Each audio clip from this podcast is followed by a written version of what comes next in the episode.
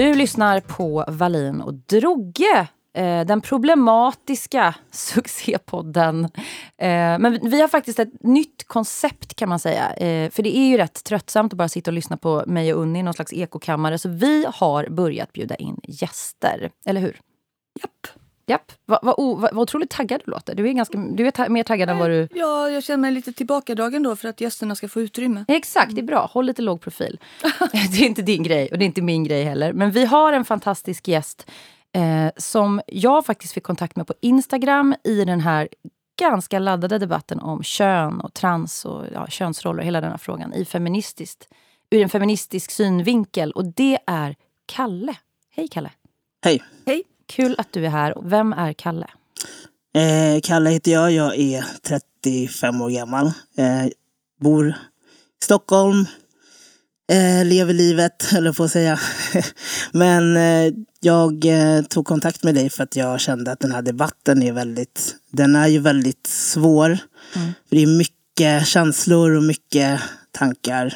Och det är mycket polarisering i, i debatten. Och det jag ser det är att Många stora konton lägger ut olika memes och Instagram-poster utan att man egentligen möts. Utan att det blir ett riktigt samtal av det här. Att man faktiskt kan sitta ner och prata med varandra om hur det är man, man tänker och känner och eh, om man faktiskt istället skulle kunna lära sig någonting av varandra. Och ämnet så. du syftar på är ju transfrågan, kö ja, könsfrågan helt enkelt. Ja, så därför så kände jag att ja, men jag tar kontakt med dig och så kommer jag gärna hit och så kan vi snacka med varandra. Och jag ska ju också säga det att vi har inte bjudit in dig som något eh, alibi där du ska sitta och vara talesperson för alla transpersoner i hela världen. Utan vi är intresserade av dig och din mm. berättelse och din historia som mm. självklart är unik. Mm. Men kan du inte berätta lite, Kalle, när i, din, i ditt liv, i din uppväxt, eh, för du, får man, du är född biologisk kvinna, får man säga det eller blir, är det känsligt? Nej, det är ju ett faktum. Så det kan man säga. Så, så du det... växte upp som en flicka kan man säga? Ja, så, eh, ja, jag blev ju uppfostrad, om man säger, och sedd som det eh, under min barndom, ja. Så min, eh, min så här, tassa på tå-frågan här var, när började du känna att det var fel, att du inte var flicka? Det där tycker jag är en eh, ganska svår sak att svara på för att när man är barn, eller när jag var barn, då var man liksom bara, tycker jag. Alltså, ja, det var ingenting jag kanske reflekterade så mycket kring när jag var liten. För att då kan man ganska lätt vara den man är inombords ändå, om man säger. Jag, jag kände mig jag hängde väldigt mycket med, alltså sen, det här är också en svår diskussion för att det är lätt att blanda ihop det med könsroller och blanda ihop det med, ja ah, vadå, du kan ju hänga med snubbarna eller grabbarna, killarna och vara tjej. Mm.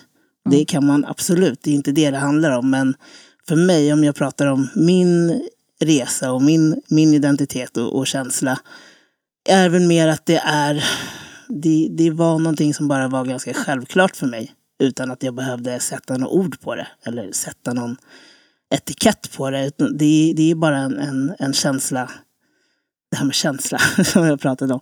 Men det är bara en, någonting som är in, inuti dig. Som du inte, det är väldigt svårt att sätta fingret på det.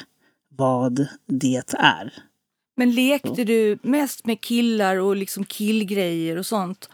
Um, eller alltså, kände du att du trivdes bäst med att leka pojklekar, grabbiga lekar? Eh, ja, så var det. Mm. Mm. Och det kan man ju göra ändå. Det har inte med, egentligen inte med saken att göra, men för, i mitt fall så, så var det så. Mm. Nej, för att det måste inte betyda... Jag var sån. Jag var ju verkligen sån. Jag, jag lekte bara med tuffa lekar med killar och lekte med bilar och sånt där. Jag ville absolut inte leka med dockor och så. Mina föräldrar sa att jag hade pojksjukan, men, men eh, det, det måste inte betyda att man därmed är liksom trans Nej. eller så. Eller hur? Men vad var det, Kalle, som den här känslan du beskriver, växte den bara desto äldre du blev? Eller hur, hur liksom utvecklade sig den känslan inuti, att det var någonting som att det var fel? Mm, det, var just, det är snarare en, en känsla av att man inte hör att det är någonting som bara är fel. Det är någonting som eh, skaver, som inte känns rätt. Som är... Det, det är svårt att säga. Det, om jag frågar er till exempel, hur vet ni att ni är kvinnor? Eh, vad är det för känsla? Eller så, hur känner ni det? Ja, det är en jävligt jobbig ni... känsla. det, det, är massa är ångest. För... ja, visst. Eh, men men det, det är väl bara någonting inom en själv som känner att jag hör inte hemma i det här. I det här. Liksom, det känns väldigt konstigt att folk tilltalar mig som hon. Det känns väldigt eh, fel att jag förväntas gå till ja, men, det kvinnliga omklädningsrummet. Alltså, det är bara en, en väldigt konstig känsla över att det är någonting här som inte står rätt till. Mm. Som hamnade väldigt rätt på plats när jag förstod vad det var. Och att när jag träffade andra, när jag började söka information och fick kontakt med andra transkillar främst. Mm. Eh, och bara, ja men shit det är det här. Och så var det väldigt självklart att ja, men det här går att göra någonting åt. Det, det går att ordna till så att det blir rätt. Ja, men det finns ju jättemånga transpersoner som är homosexuella eller bisexuella eller pansexuella. Det, vad man har för, vad man tänder på har ju inte med vilket kön man tillhör. Nej, det verkar inte så faktiskt. Efter vad jag har läst och hört. Att det är två olika saker. Sexuell orientering och eh, sexuell identitet. Ja, visst är det det. För annars skulle det inte finnas homosexuella. Alltså det, det. Nej, det är helt sant. Ja. Jag tänker bara på puberteten. Eh, för när du var... Ja, jag var 11 när jag fick mens. Men eh, liksom, biologiska flickor mm. kommer ju puberteten tidigare än pojkar. Mm. Vad hände med dig då? Hade du redan haft de här väldigt starka känslorna av att det var fel eller liksom exploderade det i samband med att du kom i puberteten? Ja, det var lite av en chock faktiskt i puberteten. Jag kommer ihåg exakt hur det var när jag fick mens första gången. Jag bara, shit vad är det här? Det här är ju katastrof. Jag sprang till mamma och grät. vad, vad är det här? Vad är hur gammal var du då? Jag var också, jag var 11-12. Mm. Så det var ja, väldigt eh, chockartat. Men du faktiskt. visste väl vad det var? Ja, jag visste vad det var. Ja. Men jag hade inte tänkt att det skulle hända. Jag Nej. hade liksom inte tänkt att eh, det skulle hända mig på det sättet. Alltså, det är ingenting jag gick runt och var förberedd på. Utan det var mer någonting jag kanske hade för, förträngt eller stoppat bak i, långt bak i, i medvetandet. Men kallade du dig kille då redan? Nej. Ville du liksom bli tilltalad som... Nej. Inte när jag var så uh, i den åldern. Utan nej, det gjorde jag inte.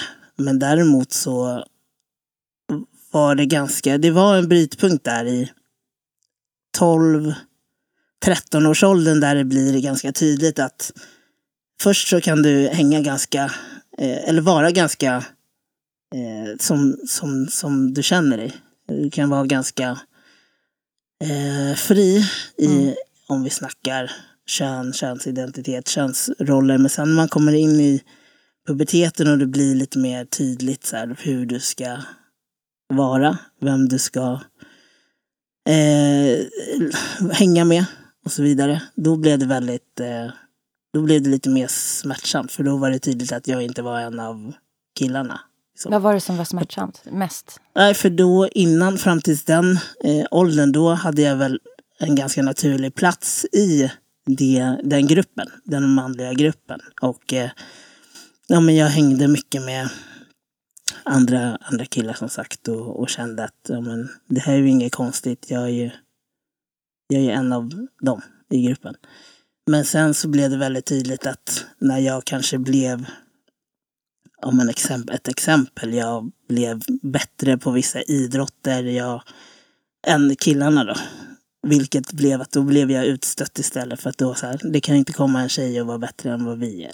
Mm, då blev du ett hot plötsligt. Ja men precis.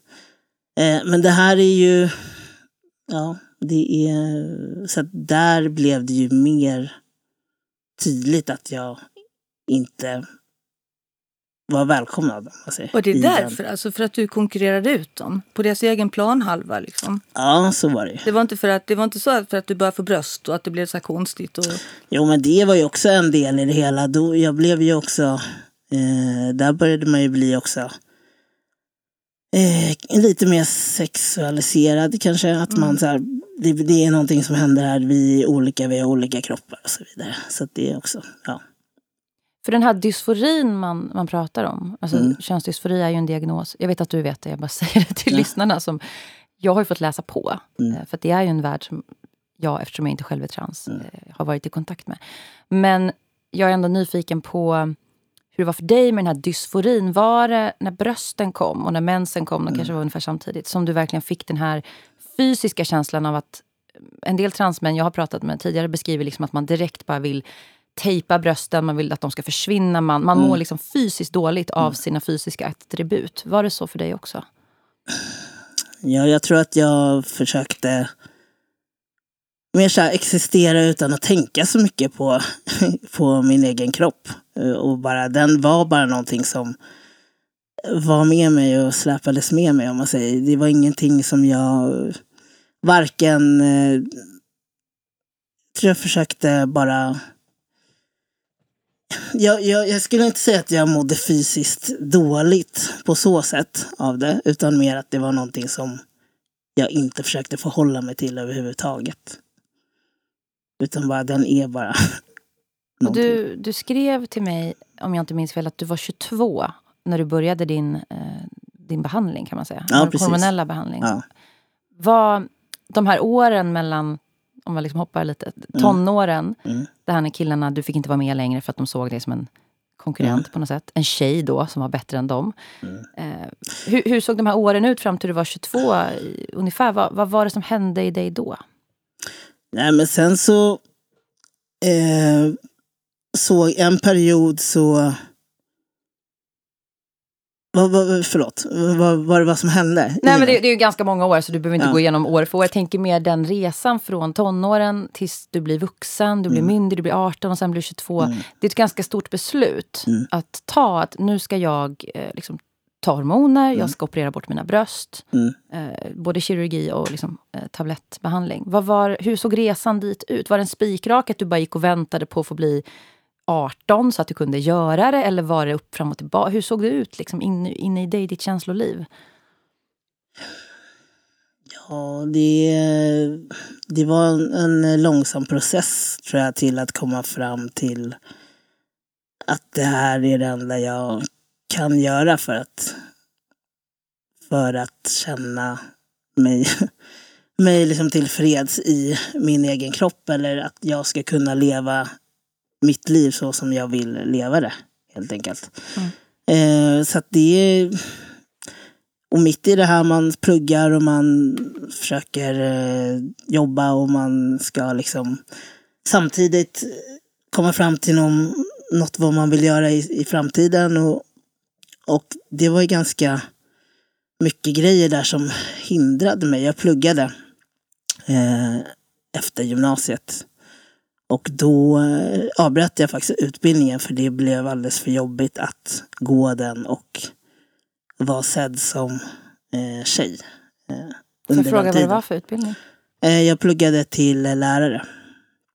Vilket blev så här, nej men det här, det fun- funkar inte. Men var du, alltså, hur såg du ut? Om man säger så, hade du, hade du tjejkläder? Det hade du väl antagligen inte va? Du klädde dig väl mer som en snubbe? Alltså, jag klä- klädde mig som jag gör nu och jag tycker inte att det är varken tjejkläder eller Nej, det är killkläder. Det är liksom ett par jeans och en t-shirt. Unisex. Ja. Tänker Ja, mer som stereotypt. vi alla har. ja, precis. Nej, men jag tänker bara, tjejer har ju ofta vissa eh, alltså, attribut. Som de klär sig i högre klackar. Och, sånt. Ja, men hur många tjejer går omkring i höga klackar? Det Nej, tycker jag är i skolan väldigt... kanske, men Nej, jag tycker generellt så, jag menar här du på tänkte Söder inte är på hur du klädde dig? Eller jag bara, Ja. tänkte du på hur du klädde dig? Tänkte jag ska klä, att du klädde dig som killar gör eller bara klädde dig Jag har som... klätt mig som jag alltid har klätt mig och det Ja. är typ så här. Alltså vanliga bekväma kläder. Egentligen. Man brukar ju prata om hur man, hur man läses. Ja, men jag hur förstår, andra jag förstår vart, du, vart du vill komma. Men ja, alltså jag har väl, jag har väl ganska eh, tidigt eh, sett som kille eh, i omgivningens ögon. Alltså jag har ju väl, ända sedan jag var liten. Och det har väl med att göra kanske för att eh, hur jag är eller hur jag... Jag vet inte, det är skitsvårt att svara på. Men Rosa jag, prinsessklänningar var inte din grej? det var inte min grej, nej. Nej. nej. Man skulle ju önska att det inte det- var någons grej. Eh, Ja, varför det inte? kan väl vara utforskande. Mina söner gillar ju det. Ja, Eh, det är men, eh, kanske, är men jag tycker det, det är ganska trist att det har blivit så mycket såna här rosa prinsessklänningar och tjejer ska se ut som små bakelser liksom, ja, när de är det- små. Ja, problemet är väl att det är en, för, en förväntning på att det är bara tjejer som ska se ut så. Hade det varit en lite mer blandat så hade det varit... Nej, det hade varit en annan sak. ju. Men jag tänk, har du sett den filmen Boys Don't Cry? Jag vet inte om alla har sett den. Jag har jag har sett den. Oscarsvinnaren, hon Ja. Hilary Swank heter hon för Ja. det var ju, alltså för den, den var ju väldigt otroligt gripande. Mm. Jag tycker att den var bra. Alltså jag tycker att den skildrade det här. Men det var ju, hon gjorde ju ingen... Hon kunde ju liksom inte gå vägen, hela vägen fram. Liksom. Nej, det är en jättehemsk film. Den är ju baserad på en sann händelse också. Så jättesorgligt öde. Eh, med en, en transperson eller transkille som försöker leva sitt liv så gott det går. Och sen Och dölja vilket, vilket så biologiskt kön hon tillhörde. Hon eller han. Jag vet inte, hon, hon Ja, det var så länge sedan jag som såg den här kille. filmen så jag kommer inte ihåg hur Nej, personen men det var, den är, titulerar jag sig. tyckte men- den var så bra. Men det, det, man ser liksom hur... Om man inte, jag, för jag tänker så här. Nu har det ju blivit väldigt öppet med den här frågan om att man kan, man kan faktiskt göra en transition. Ja. Och eh, det debatteras jättemycket. Det har blivit mainstream nästan. Att alla vet det. Det är ingen hemlighet. Liksom, det är inte så här att man måste först gå till någon så att få reda på hur man gör. Utan det, ja, man ska ju helt enkelt hjälpa dem som... Det finns ju hjälp idag. Och det, eh, det är allmänt erkänt. Hade varit, hur hade det varit för dig om den inställningen, den allmänna attityden hade varit så som den är idag? När du gick på När lärarutbildningen? du var ung, alltså när du var, ja, när du var mycket yngre? Ja, men när jag var ung, ja, men då hade jag väl fått den informationen lite tidigare att det faktiskt eh, fanns någonting att göra åt situationen. Tror du Jag att du hade gjort det ju inte- tidigare då också? Ja, det tror jag. Men om, jag, jag gillar så här kronologi. Ni får ursäkta mig. Jag bara, nu är vi tillbaka på lärarhögskolan här. Du gick där. Hur gammal var du då? Eh, Det var efter Eh, gymnasiet precis, eller? Ja, det var efter gymnasiet. Det var väl i, eh, ja, precis efter där. Eh, 19. Men eh, ja, det är ju ja, du är lika gammal som mig, så det var ju 15 år sedan då ungefär. Mm. Ja. Blev du, du sa att du avbröt utbildningen. Var det delvis eller till stor del på grund av att du blev eh, utsatt av andras, vad ska vi säga, att de könade dig eller att de hade fördomar om dig, att de behandlade dig illa på grund av den du var? Nej, då hade jag ju inte riktigt eh, kommit ut eh, eh heller. Så, alltså som att jag... Då eh, levde jag ju- Då var det inte så att jag officiellt eh, hette Kalle eller, eller så. Utan då, då hette jag ju mitt födelsenamn då, som jag fick. Eh, och då... Så då blev det ju väldigt... Medan mina kompisar visste ju om att så här känner jag egentligen. Så det blev väldigt dubbelt. Leva dubbelt där ett tag. Eh, för jag var ju också ganska eh, osäker inför att berätta hur jag kände inför mina föräldrar också. Så det blev, var en period där jag, där jag levde... Eh, ja, men jag gick omkring och lajvade tjej kan man säga. I livet. Och, då var det väldigt hur var smärtsamt. det liksom? För precis det här när man ska bli vuxen, 19, 20, det är ju en, jag tyckte nästan det var jobbigare än tonåren. Jag tyckte tonåren var helt okej. Det jobbigaste för mig var att bli vuxen. Mm. 18, 19, 20, 21. Mm. Och så skulle du samtidigt eh, tampas med de här, det här, det här inre liksom kriget nästan. Eller Mm. hur ska omgivningen uppfatta dig? Hur ska du komma ut? Hur ska det här, hur ska det här bli? Men du tog ändå steget och du eh, sökte vård då? Eller hur såg det ut på den tiden, när man, för 15 år sedan, när man så att säga, ville göra en utredning för könsdysfori? Ja, då fick man först eh, gå till eh, allmänna psykiatrin eh, för att få en remiss då till, eh, till eh, det som idag heter Anova. Just det. Det hette inte det då. Minns inte ens vad det. Ja, men samma. Eh, Nu heter, ju, nu heter det könsbekräftande vård, eller hur? Eller behandling. Och då hette det inte det. Då hette det väl könsutredning eller något sånt där. Ja, jag, jag, jag vågar inte säga exakt vad det hette.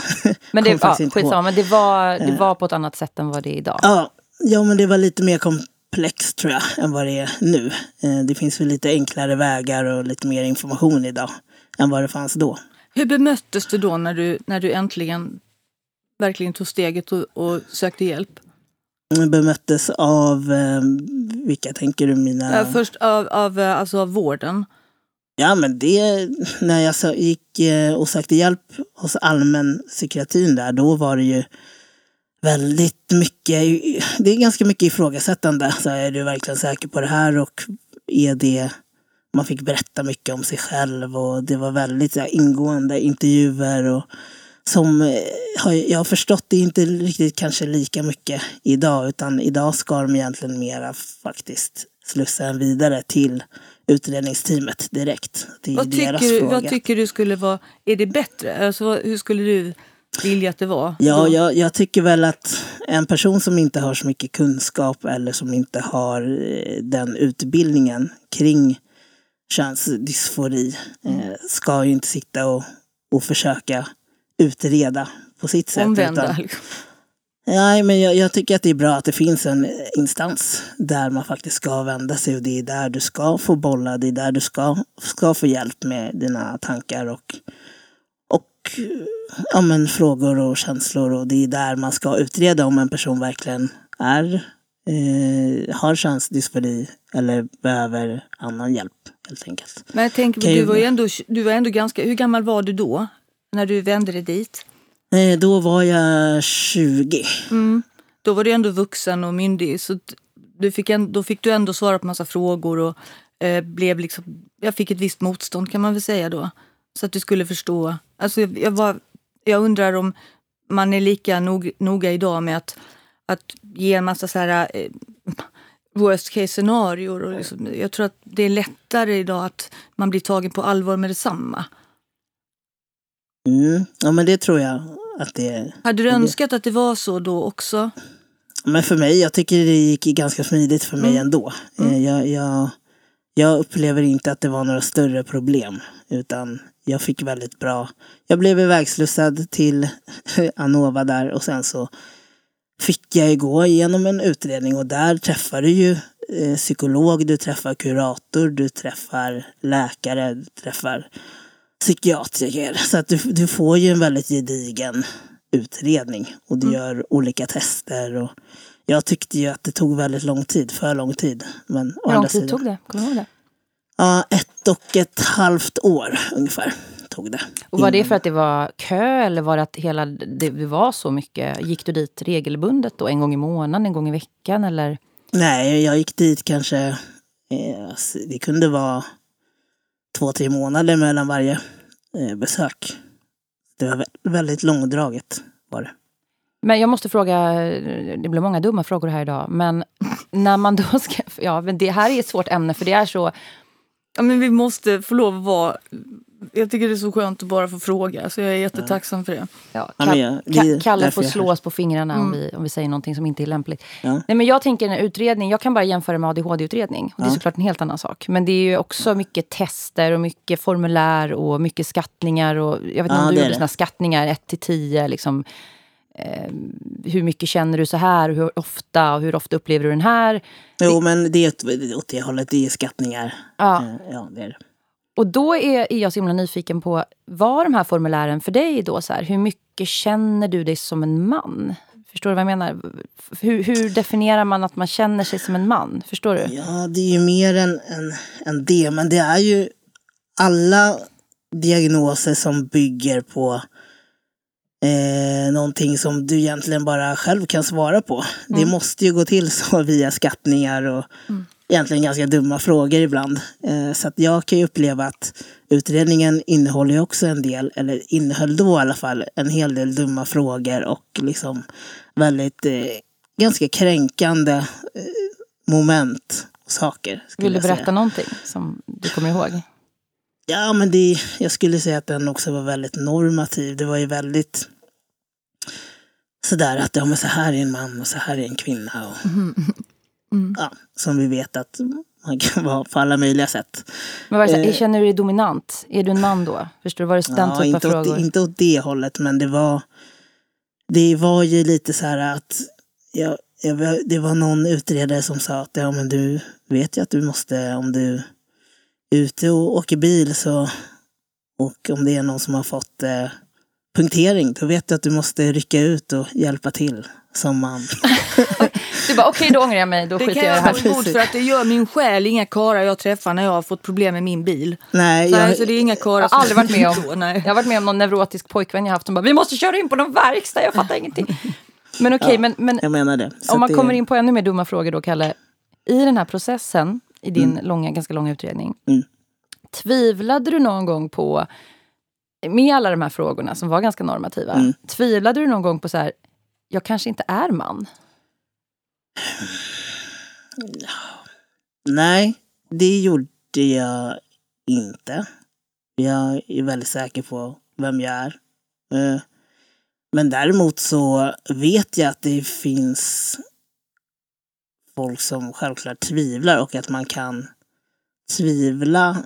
Alltså det är inget konstigt. Det tror jag att alla gör. Eh, Och det tror jag är sunt också. Att man ska fundera och, och, och liksom ha klart för sig vad det faktiskt innebär att eh, gå igenom eh, behandlingar och eh, om man nu vill eh, operera sig. Alltså det är ju omvälvande saker. Eh, även, och även om man känner att ja, det här är helt rätt, det här vill jag göra så kan det ju ändå fortfarande vara omvälvande. Och eh, eh, man kan vara, känna sig ensam i det för att man är själv som går igenom och alla kanske inte förstår Ja, det är en ganska långvarig process också väl? Det är en långvarig process, är det ju.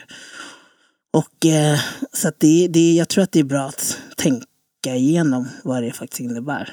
Men, eh, och det är därför utredningen finns, att man ska få jag tror att det är bättre nu. Jag tror att det finns mer möjlighet till att faktiskt ställa frågor och inte vara 100% säker heller. För att det, det jag kände då var att man kanske behövde vara väldigt säker Mm. för att ens få gå igenom utredningen.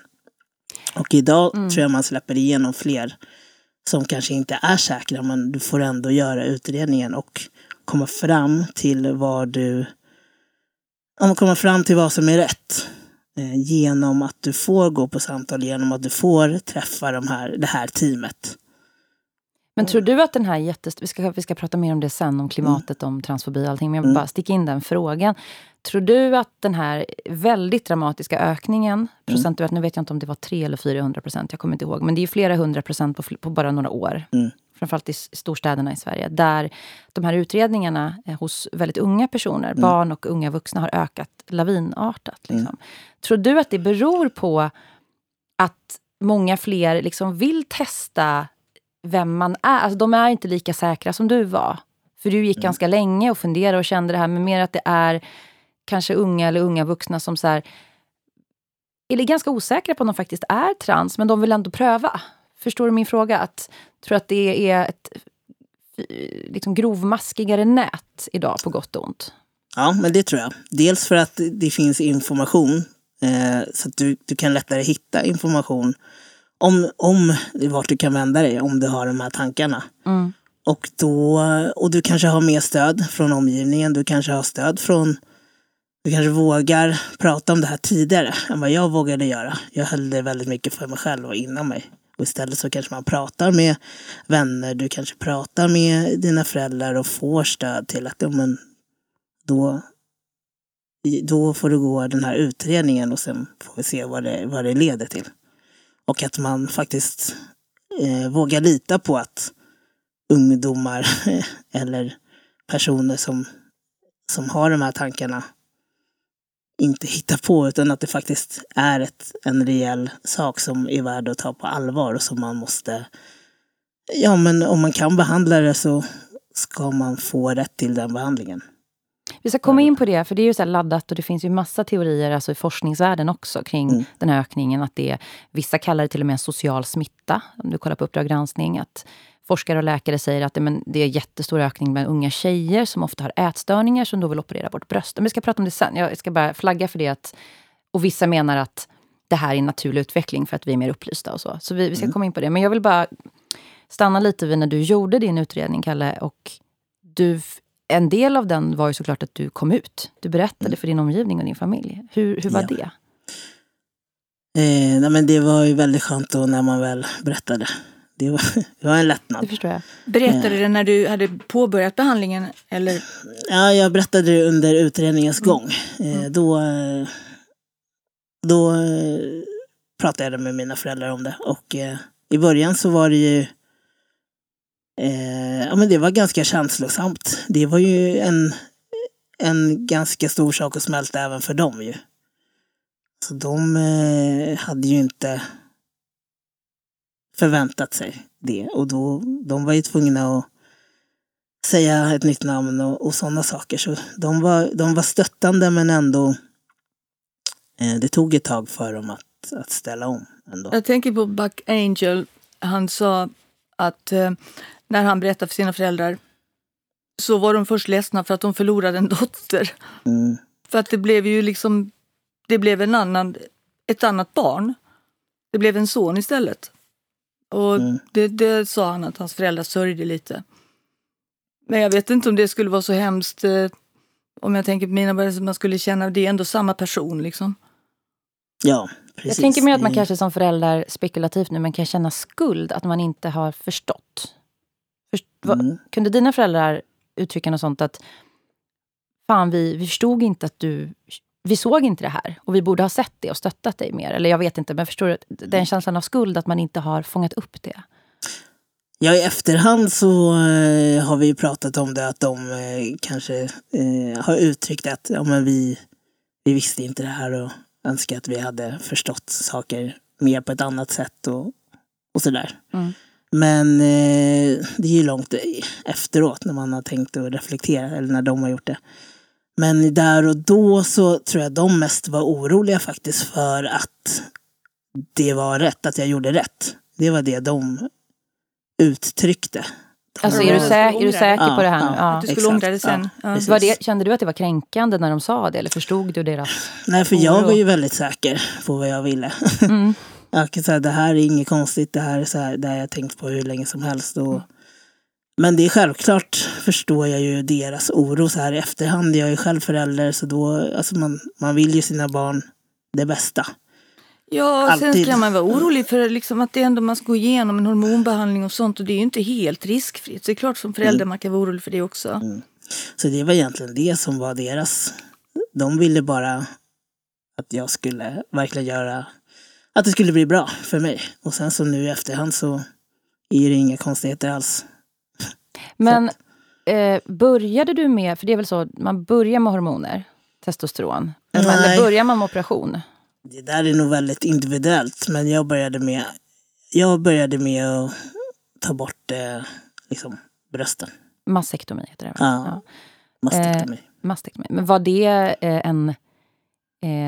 Var det helt självklart? Eller var det också mm. någonting du tvivlade kring? Nej, det var helt självklart. Det var skönt att bli av med dem. Ja. När de var borta? Kommer du ihåg när du vaknade upp från narkosen? Eh, alltså det är inte heller, för min del så var det ju inte heller, det finns ju massa olika operationsresultat, eller operations... Eh, operations eh, metoder. metoder ja. ja. Eh, och eh, det finns ju beroende på vilken metod så i mitt fall så är det inte bara en operation utan jag har nog gjort fem, fem stycken. För att man kan inte ta bort all bröstvävnad och bröstkörtlar direkt. För att mm. då skulle det bli som en... Eh, då skulle inte huden hinna dra ihop sig. Nej, nej, okay. nej, det är inte alls lika lätt som att slänga in ett par implants. Nej, det är, det är exakt, precis. Man exakt. ser ju framför sig att det bara är liksom att kutta ja, av, men det är klart nej, inte är. det är inte det. Utan det, är, det finns ju olika metoder. Du kan ju också göra en metod där du gör ett snitt under, under eh, själva eh, bröstet, om man säger. Och gör ett, så att du får två är. Egentligen. Mm. Då går det lättare att ta bort allt direkt. Men för mig så gjorde jag en metod som, jag, som är eh, så att du går in vid bröstvårtan och sen så mm. tar du ut, liksom, du tar bort bröstvårtan kan man säga, så tar du bort liksom, körtlar och så vidare mm. därifrån och sen syr du igen. Och sen måste det läka och så gör du samma sak igen och så mm. vidare. Så du fick helt andra bröstvårtor också? Du fick nya bröstvårtor kan man säga? Ja, Det det, var är mina samma, gamla. men var- det är Men de samma, men de är tillbaks eh, sida, om man, eller vad Ja. man ska säga. Så det är liksom, det är inte bara att man gör någonting och så är det klart, utan det är ju en lång process som sagt. Det gjorde är- ganska ont också va? Ja, så det är ju en operation där du är, är sövd och liksom Ja och du sen efteråt, det är väl ändå, för det är ganska mycket så här, där de vävnaderna, de är ju, det är rätt mycket nerver där ju.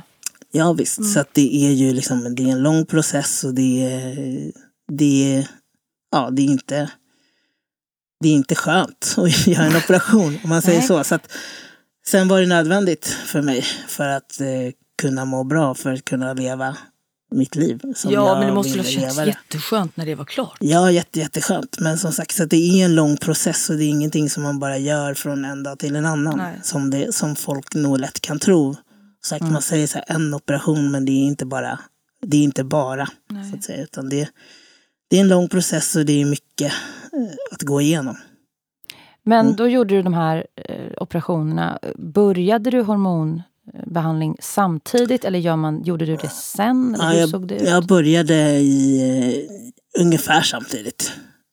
Det är lite så här beroende på väntetider och, och sådana saker. Men ungefär samtidigt började jag. Eh, Berätta hur det kändes. För det är många som har sagt till mig, nu vet jag inte alls om det stämmer, att, Nej. att man nästan blir lite hög på att få testosteronbehandling. Stämmer det?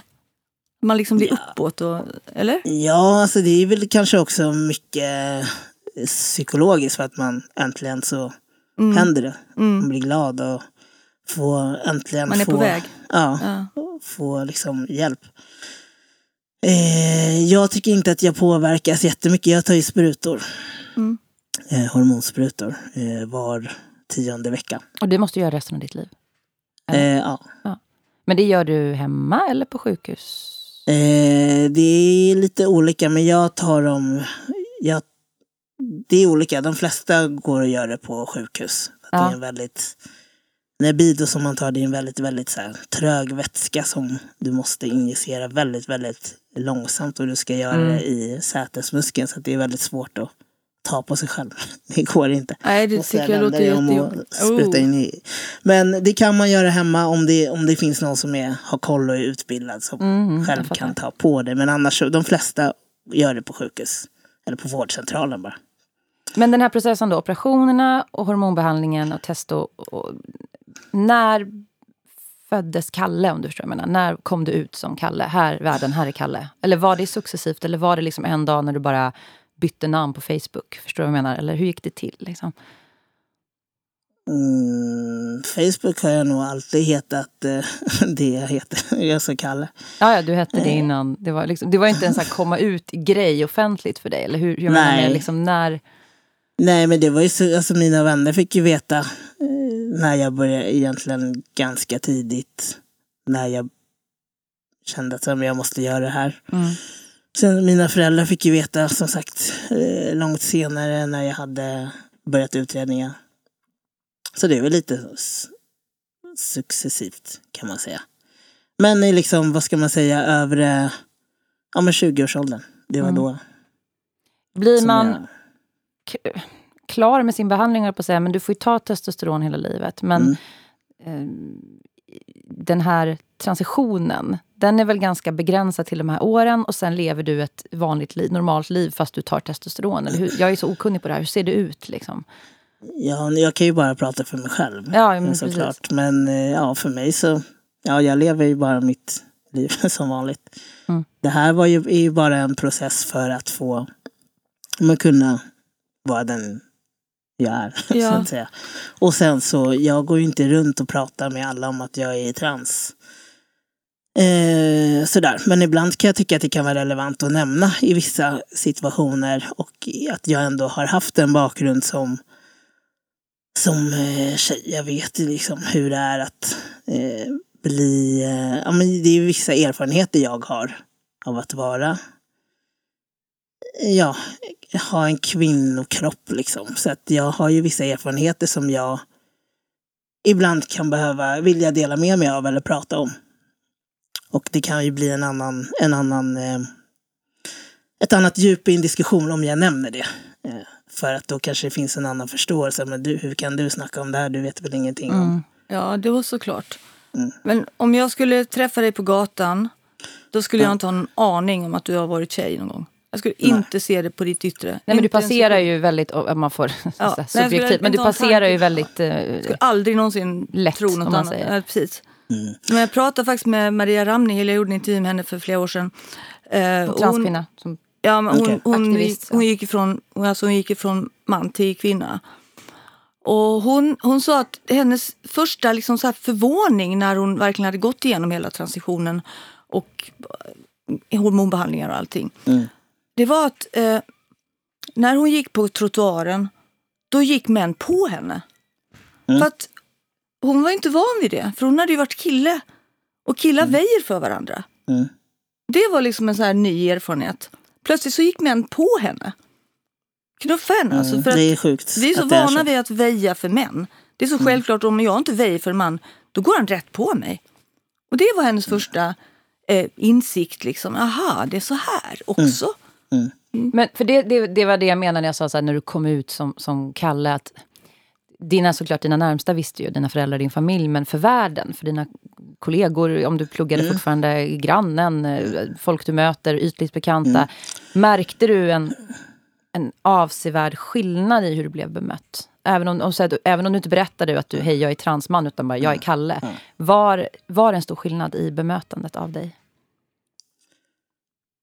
Eh, inte en stor skillnad, men det är vissa saker som du säger som så här små subtila grejer att ja men helt plötsligt att så här ja men det, det, är det finns ju någon form av, jag vet inte, någon, någon gemenskap kanske om man ska säga att man, om man säger att du är Ja men en grej, jag, nu är jag, jag är svart.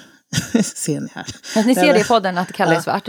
Eh, ja, nej men och då kan jag märka, så här, det, inte då, men att det, det finns ett så här, att man ofta kanske hejar på varandra om jag ser en annan svart kille på gatan. Liksom, bro. Att man liksom, ja, men det, att får inte blir du säga om det blir väldigt Nej, problematiskt men, alltså, men det var en bro för Kalle. Ja, Ja, men att det finns vissa så här, gemenskaper eller att man ser varandra. Att det och det finns ju i alla olika grupper eller olika Mm. sammanhang och sådär. Men sådana små saker märker jag ju. Märkte jag ju och märker jag ju. Eh, subtila grejer. jag ska prata om just det här med att vara förtryckt som trans. Nu blir det ännu mer problematiska frågor. Håll i hatten, Kalle.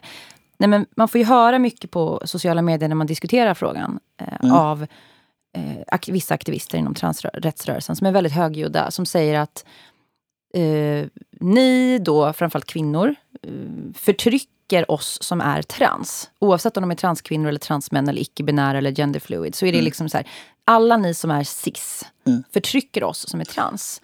Och då är jag väldigt nyfiken på hur tyck, och du kan, du kan ju bara svara för dig själv, men hur tänker du att det förtrycket ser ut av transpersoner i vardagen från folk som inte är transpersoner? Ja men förtrycket eh, kommer väl av att det är en eh, norm i samhället att man är cis. Alltså normen är ju att eh, en liksom normativ person om man säger liksom man är cis-person, man är född som det kön man ser ut som. Du är fullt eh, normativt fungerande om man säger så.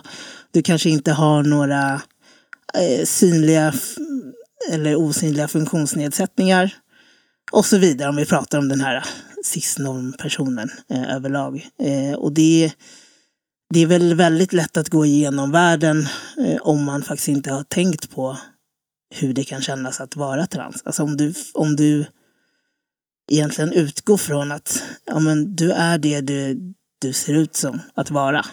Eh, du, du känner att du passar in, att du har det könet du har. Eh, fysiskt och också psyk- känslomässigt psykologiskt. Liksom. Då är det ju väldigt eh, svårt att kanske sätta sig in i hur det är att vara trans. Och det är väl där förtrycket kommer i att det finns inte en förståelse helt enkelt. Nej, men för jag, det som jag inte får ihop riktigt, jag, jag förstår precis vad du menar, alltså jag, det, det låter ju helt makes sense, liksom, det du säger, men det jag inte förstår, skillnaden är så här, svarta personer blir ju rasprofilerade för att ni är svarta. Det ser ju alla, om man inte är blind, att här kommer en svart person och så har man massa fördomar. Det är ju svårt tänker jag, för människor generellt att se vem som är trans på samma sätt. Eller se vem som är... Eh, ja, om någon sitter i rullstol så ser man det. Ja, och då, visst. kan man förtrycka, då kan man liksom ha fördomar om någon som sitter i rullstol. Men det är Mm. också väldigt svårt.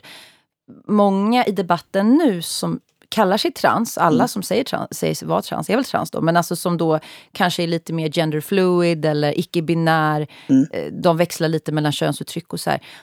Jag tycker det är jättesvårt att greppa. Vad, hur förtrycker till exempel jag eller Unni dem? Mm. För jag kan ju inte se på någon om de är trans. Nej, men det är väl just det att det kanske handlar om, förtrycket handlar i om att eh, man blir osynliggjord. Att det, då syns det inte så finns det inte.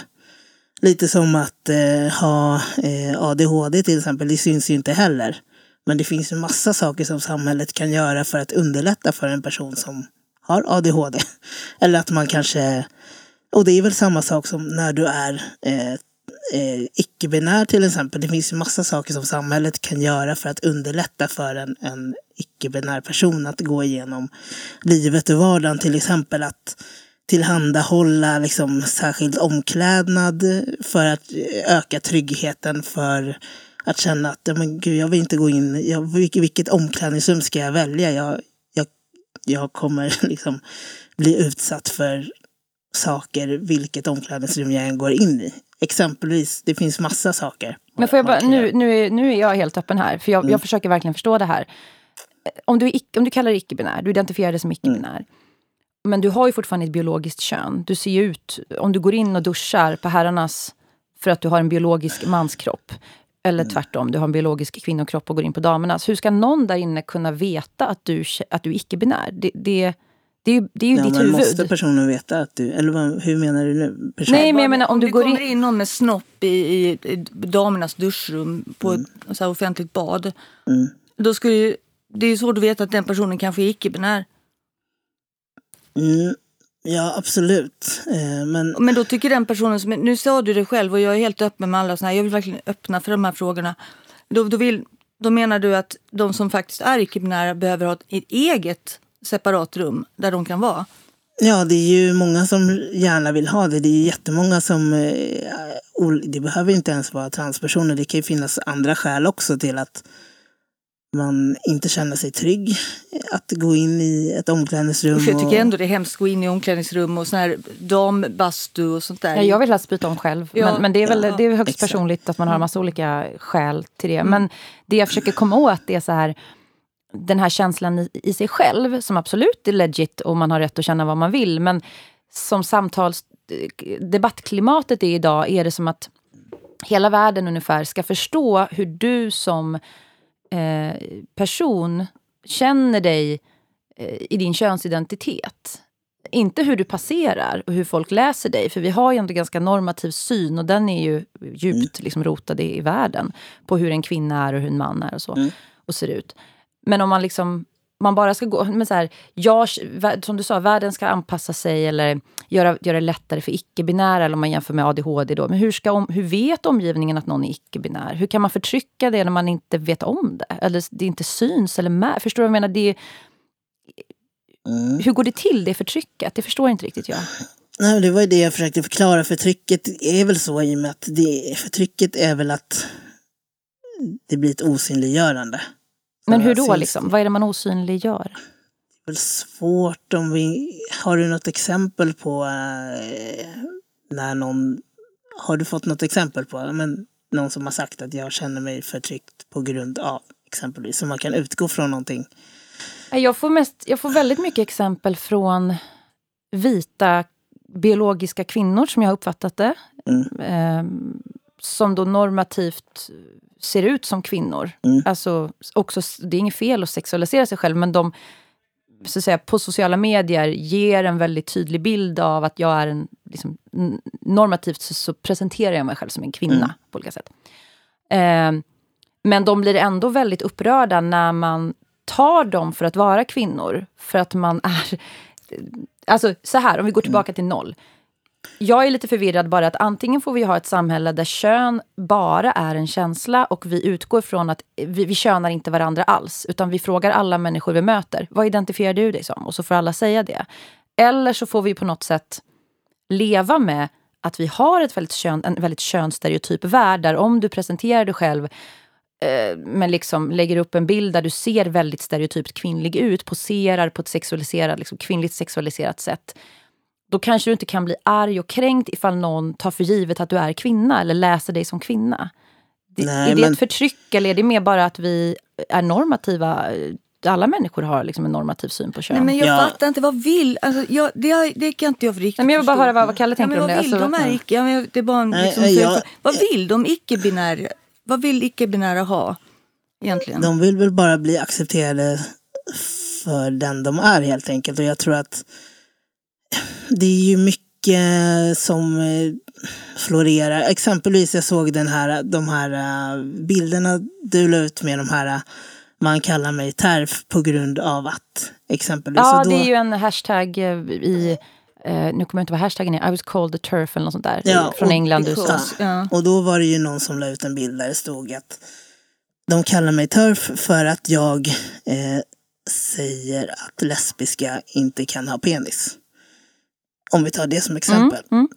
Det är ju väldigt eh, det är ju väldigt, en väldigt snäv syn på, på kön. Då om man säger att lesbiska inte kan ha penis till exempel. För jag menar, innan, om du är en, en transperson, innan du, om du ens väljer att genomgå någon form av könsbekräftande kirurgi, det kanske du inte vill. Det ska man inte behöva göra bara för att, bara för att du ser dig som, eh, som kvinna.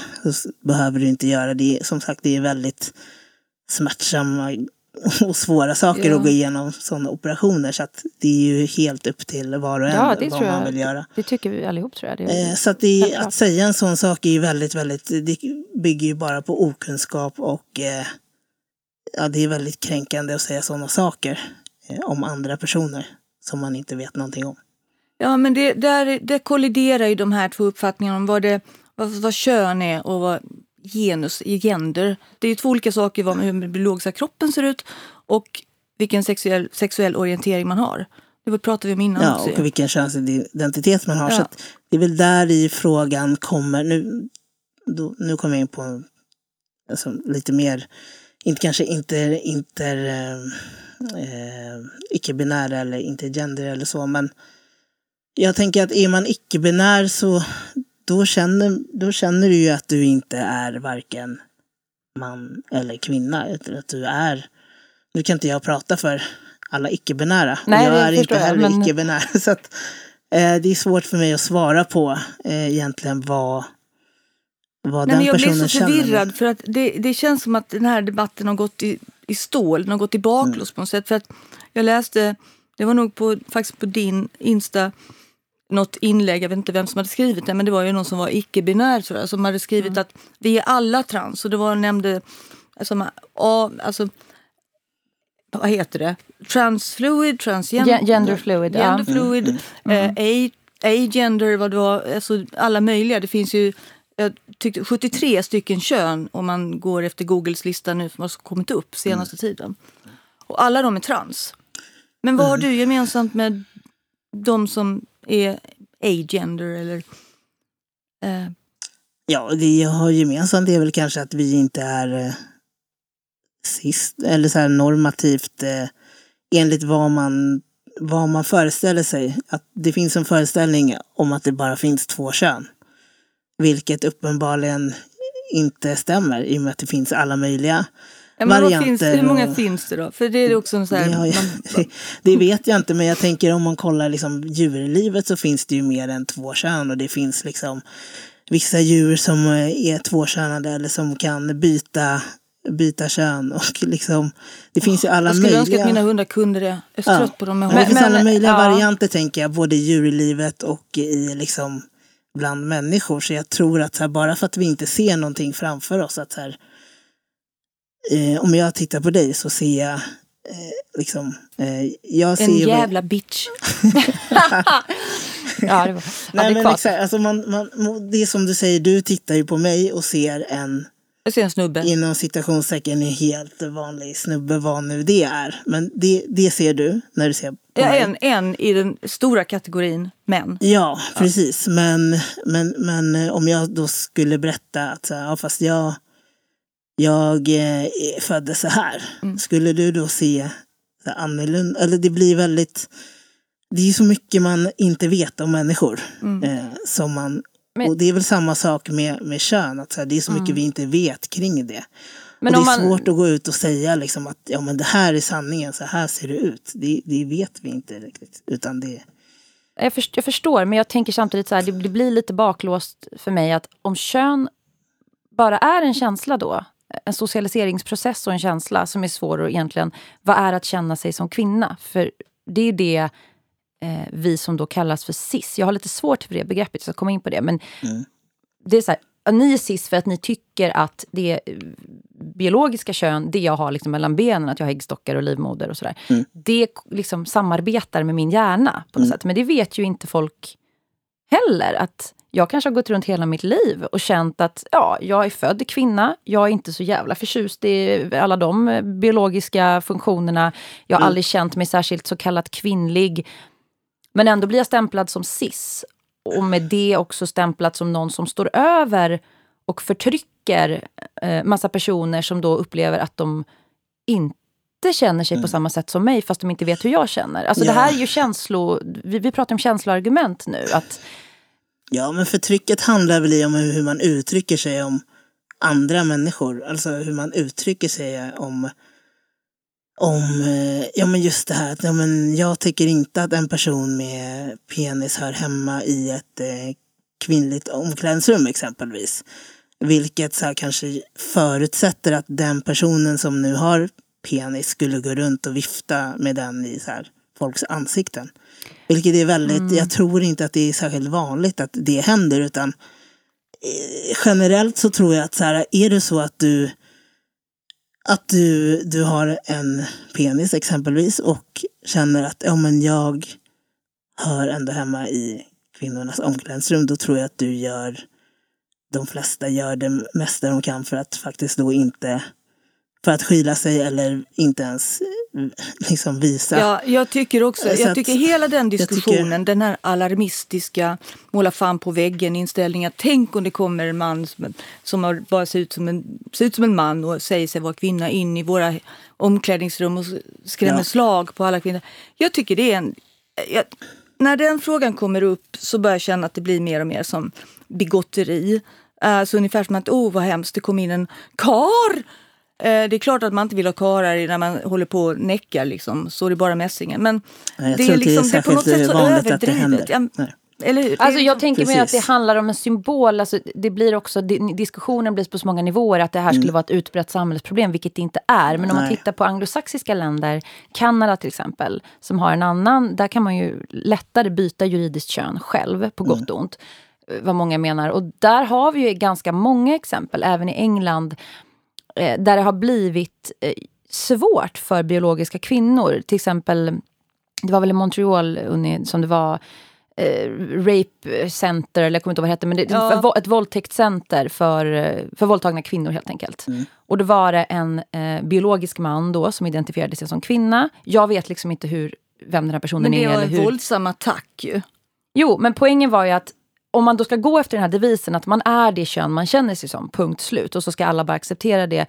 Det som fattas i den feministiska analysen kan jag känna är att om en man som personer tolkar som en man, som låter som en man, som på alla sätt läses som en biologisk man, kommer in i ett sånt sammanhang där våldtagna kvinnor, som till 98 procent har blivit våldtagna av män, eh, blir, ser, hur ska de kunna veta skillnaden på en transkvinna eller faktiskt en manlig förövare. Om den personen svarar i telefon med mörk röst och liksom välkommen till Rape Center.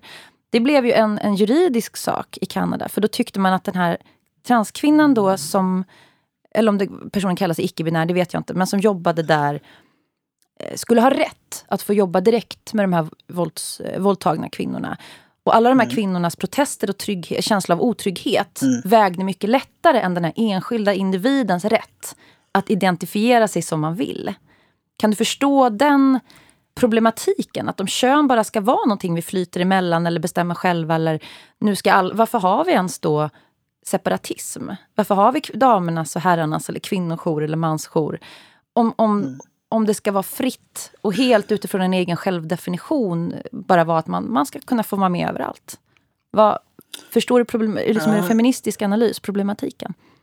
Jag förstår din tanke men så, det är ju inte så idag i, i Sverige att man bara, nu pratar vi om Kanada, men jag vet ju ingenting om det där fallet. Alltså det är svårt att liksom, för mig att Det finns uttala ganska många sådana det. fall där, där kvinnors trygg, känsla av otrygghet eh, kallas transfobi. Eller att man är Mm. turf.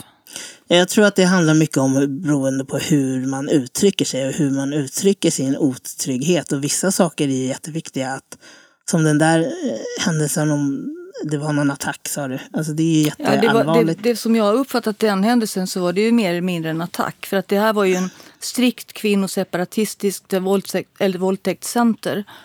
Eh, där det var, de gjorde väldigt tydligt att det var bara välkommet för så att säga de välkomnade bara som biologiska kvinnor som inte hade inte, enbart det, cis-kvinnor då om man säger. Eh, och det var väl det som väckte ont blod för det var väl någon konferens samtidigt. Jag, jag, jag är inte så påläst men jag, det jag minns av den händelsen var att det var, det var liksom med våld. Det var ju ungefär så som vi får höra att eh, manliga sexuella förövare byter kön i fängelset och kommer till en kvinnlig avdelning. Och sen begår de nya övergrepp där, på den kvinnliga avdelningen. Men det, ja, det är jättehemskt hur att det vanligt har är det? Jag- hänt. Men jag tror inte att det är särskilt vanligt. jag vet, det är därför jag vill att man ska tona ner. Alltså jag, man måste liksom stanna kanske lite och tänka, hur vanligt är detta? För det här låter ju mera som att detta handlar om kriminella gärningar. Ja, Jo, kriminella man- gärningar och enskilda fall. Vilket är, Absolut. varje enskilt fall är ju en eh, katastrof när det blir sådär. Men jag tror liksom inte det har ju inte he, med hela så här, transrörelsen att göra. Och det, det har inte att göra med att det är inte ett rejält hot mot, liksom, mot kvinnor. Skulle jag säga. Men det, jag tror vi blandar ihop sakerna här. för att själv, Jag tror inte heller att transpersoner, om man säger den, det är inte en homogen grupp heller, men den stora gruppen transpersoner i Sverige eller i världen är ett särskilt stort hot. Det är ju män som är ett hot eh, mot Ja. alla. Ja, även mot trans. Ja, Men exakt. det många kvinnor nu tar ton om och Mm. vågar prata om det är ju inte huruvida man ska acceptera transpersoner som människor eller inte. Utan det är om kön bara ska vara en känsla. Och, och självidentifikation eh, ska vara det som liksom är eh, normen eller dogmen på något sätt. Hur blir det då med, med våra separatistiska rum? Hur blir det då med eh, Ja, med statistik, med eh, forskning, med... Nej, men om man liksom kan glida in i och ur. Om man ska ta det på en annan nivå, det här jag får höra då av ja men förlåt, men så här, vita brudar som bor i innerstan och har ett ganska gött liv, alltså på pappret, sen kan man må skit ändå, men om man säger man har ganska mycket privilegier, synliga privilegier. Då påstår de att jag förtrycker dem för att de är gender fluid eller icke-binär. Kan Jo. inte du som transperson som har gått igenom en svinjobbig behandlingsprocess och allting du har gått igenom känna att de lite grann approprierar din kamp? Att på vilket sätt... Nej, det skulle jag inte säga för alla kamper är ju lika. Alltså man kan inte, man kan inte jämföra lidanden tycker jag. Det Kan man inte det då? Inte på så sätt. Det är självklart, du, du kan ju... Alla personer har ju rätt till sin upplevelse och det som de eh, har varit med om och tycker är jobbigt. Det blir jättekonstigt. Ja, Men jag skulle komma och säga att ja, men jag är mer trans för att jag har gjort det här. Alltså, det är ju väldigt konstigt. Utan det är, det är som att... Eh, ja, men det är väl som, jag har också ADHD till exempel. Det är som att jag skulle jämföra med att ja, men jag har ju bara lite ADHD jämfört med någon som inte klarar av att ja, men har jättesvårt med saker. Fast skillnaden är väl att ADHD är en diagnos. Du gör en ganska lång utredning, eller hyfsat, den är Ja, ganska men- gedigen. Och könsdysfori är också en, en utredning du Ja. gör. Och du Att- kan också göra en, eh, du kan ju också få diagnos icke-binär. Kan du ju få. idag. Ja, jo, alltså, men det, det är ju väldigt många som jag har förstått det som nu, det har blivit en identitet att man bara inte vill vara cis. Att man är gender fluid, man är icke-binär. Det är ingen diagnos man har fått i vården. Utan det är någonting man känner att man, nu vill jag börja definiera mig som det. det, Och det är dessutom så finns helt, det krav på att eh, man ska det är helt slippa, fine. att man ska slippa genomgå någon utredning, medicinsk utredning. Man ska bara kunna byta kön när som helst juridiskt utan en medicinsk utredning. Det finns sådana förslag på gång. Men, Nej, men det, det, för det jag menar är väl mer att hur ska vi... Är förtryck någonting vi generellt kan glida i och ur helt utifrån egen definition? Blir inte det ganska svårt då att vi klistrar på varandra eh, nej men så här, nu är du min förtryckare för att jag plötsligt kände att du är cis och jag är inte cis. För att jag heter Lisa men jag är gender fluid. Jag köper inte att för förtryck, det finns alltid en materiell grund för förtryck. Det är liksom inte någonting jag har hittat på utan all forskning. Det är så här, förtryck är inte en känsla av att någon inte förstår dig eller att du inte blir sedd som den du är. Det är en mycket djupare eh, jag orkar inte gå igenom allt det nu, men man, om man liksom googlar förtryck så det handlar inte bara om att du att någon råkar felpronoma dig för att de inte vet. Det är inte ett förtryck. Liksom. Nej, men jag tror att förtrycket handlar som sagt i, i att bli osynliggjord och inte få sina, sin identitet tagen på allvar. Det är Men det kolla, som är kolla hur hamnade vi här då? För att nu har vi pratat om detta och vi, jag tycker det känns väldigt, väldigt skönt att kunna prata öppet en person som tänker och inte är arg för att vi råkar ut för ganska mycket aggressioner. Och det kommer ju från den här, det här lägret som kallar sig icke-binära eller vad det nu är. Eh, och som, alltså, som tycker att de för trans, alltså, transpersoners eller transcommunities talan. Och, det är rätt hårda ord och det är hot. Ja, Du har ju utsatts för konkreta hot. Ofta mordhot. Och man undrar vilka är det som skriker turf och som säger att de ska våldta en turfkvinna med sin, med sin, eh, med sin transkuk. Det är sånt som riktas mot en del eh, kvinnor som har sagt någonting som de uppfattar som, eh, ja, som de ogillar och säger att det är ett sätt att försöka hota hela deras existens. Och då är deras svar att de faktiskt på riktigt mordhotar. Vi- Vilka är det som gör det? För jag kan inte föreställa mig att detta skulle vara representativt för hela Nej, det, det transcommunityt. tror jag verkligen inte att det Nej. är. Och det är väl alltid, det finns väl alltid personer som går över gränser och som, eh, ja, att man uttrycker sig väldigt eh,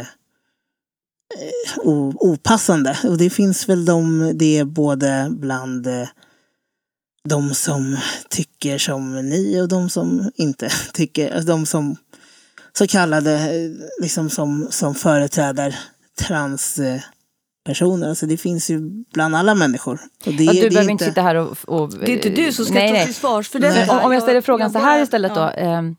Eh, för det är jättesvårt för, för Kalle att svara på, för du är ju inte icke-binär. Du är ju man, Nej, som men jag, bara, transman jag och vill kan att man ska inte... kunna... Jag, Ja. För att jag tänker bara, det tycker väl vi alla är väldigt obehagligt att det har blivit en sån hård... Ja, men om vi kommer in lite på debattklimatet, det Ja. kan vi ju prata Ja, men om. precis. Men jag, jag förstår, ja debattklimatet kan vi prata om, men jag förstår liksom fortfarande bara inte varför det är ett så stort problem att det finns icke-binära. Varför är det ett problem? Vad, vad är det som är svårt med Jag det? tycker inte alls att det är ett problem. Jag, enda jag tycker är en utmaning, om man säger, Mm. eh, och för att använda ett internetfavoritord, problematiskt.